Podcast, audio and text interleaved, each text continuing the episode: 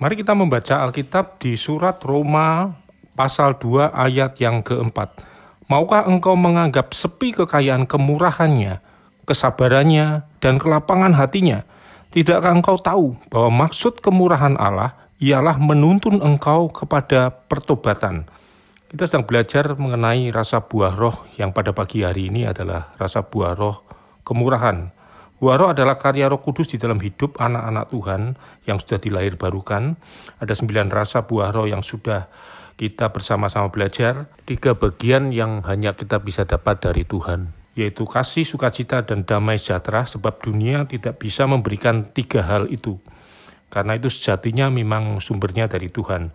Ketiga hal yang harus kita punya yang selanjutnya adalah berdasarkan karakter ilahi atau sifat dari Allah, yaitu kesabaran, kemurahan, kebaikan.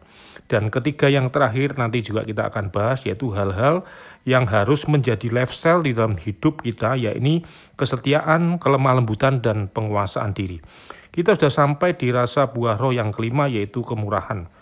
Yaitu karakter Tuhan yang membuat kita kagum dan hormat akan dia. Kemurahan identik dengan kasih karunia. Kasih karunia adalah pemberian tanpa syarat kepada yang mestinya tidak berhak menerima tetapi diberikan. Kasih karunia atau kemurahan adalah suatu keajaiban bagi dunia yang sudah jatuh dalam dosa. Di dalam kasih karunia, Allah menuntun manusia untuk kembali ke rancangan semula yaitu damai dengan Allah dan surga. Dipulihkan di dalam keserupaan dan gambar Allah yang telah hilang karena dosa. Secara pribadi pun hubungan kita dengan Tuhan berlaku kemurahan Tuhan yang tujuannya membawa kita kepada pertobatan seperti ayat yang kita baca pada pagi hari ini. Maukah engkau menganggap sepi kekayaan kemurahannya di dalam terjemahan yang lain dikatakan, maukah engkau memandang remeh, memandang hina, memandang enteng segala kekayaan di dalam kelimpahan kemurahan Tuhan di dalam hidup kita. Arti kata kemurahan sering sekali disalah artikan di dalam praktek kehidupan manusia sehari-hari. Kata kemurahan itu mengandung arti yang paradoks. Paradoks adalah dua kebenaran yang sepertinya berlawanan, tetapi kedua-duanya itu benar. Ada banyak paradoks di dalam Alkitab, misalnya tentang jemaat di Makedonia. Jemaat yang mestinya menjadi teladan bagi kita. Selagi mereka dicobai dengan berat, tetapi sukacita mereka meluap. Ini hal yang paradok. Sisi yang lain mereka dicobai dengan berat, tetapi sisi yang lain yang juga mereka punya adalah sukacita yang meluap. Kemudian, meski mereka sangat miskin, tetapi mereka kaya dalam kemurahan. Itu contoh yang lain yang konkret di dalam jemaat Makedonia. Contoh lain mengenai paradoks di dalam perkataan firman Tuhan banyak kita jumpai. Misalnya menyerahkan hidup untuk memperoleh hidup. Kita menyerahkan hidup kita untuk memperoleh hidup yang kekal. Memberi akan menerima dan juga masih banyak lagi contoh-contoh di dalam Alkitab tentang paradoks ini. Termasuk yang kita bicarakan yaitu antara kemurahan Tuhan dengan darah Yesus yang mahal. Itu juga paradoks di dalam kebenaran firman Tuhan.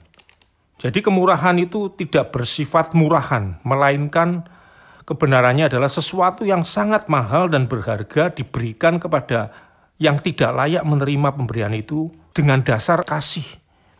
Dari pihak yang memberi adalah sesuatu yang sangat berharga dalam anugerah Tuhan Yesus memberikan hidupnya atau nyawanya sebagai ganti penebusan atas dosa umat manusia.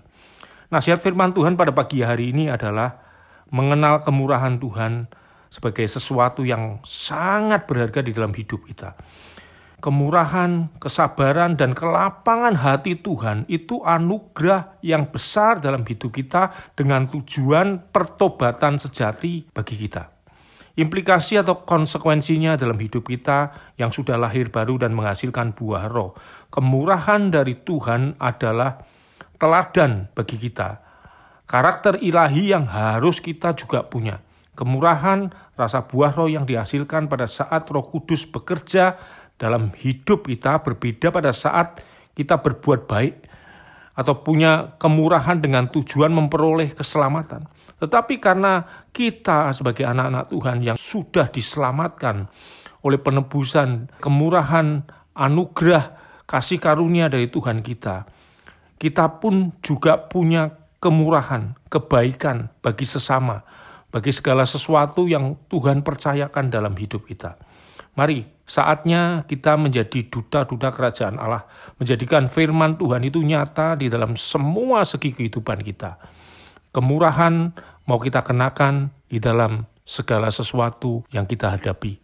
Tuhan Yesus memberkati kita semua, selamat menjalani hari yang baru dengan membawa rasa buah roh yang menjadi berkat bagi banyak orang. Tuhan Yesus memberkati.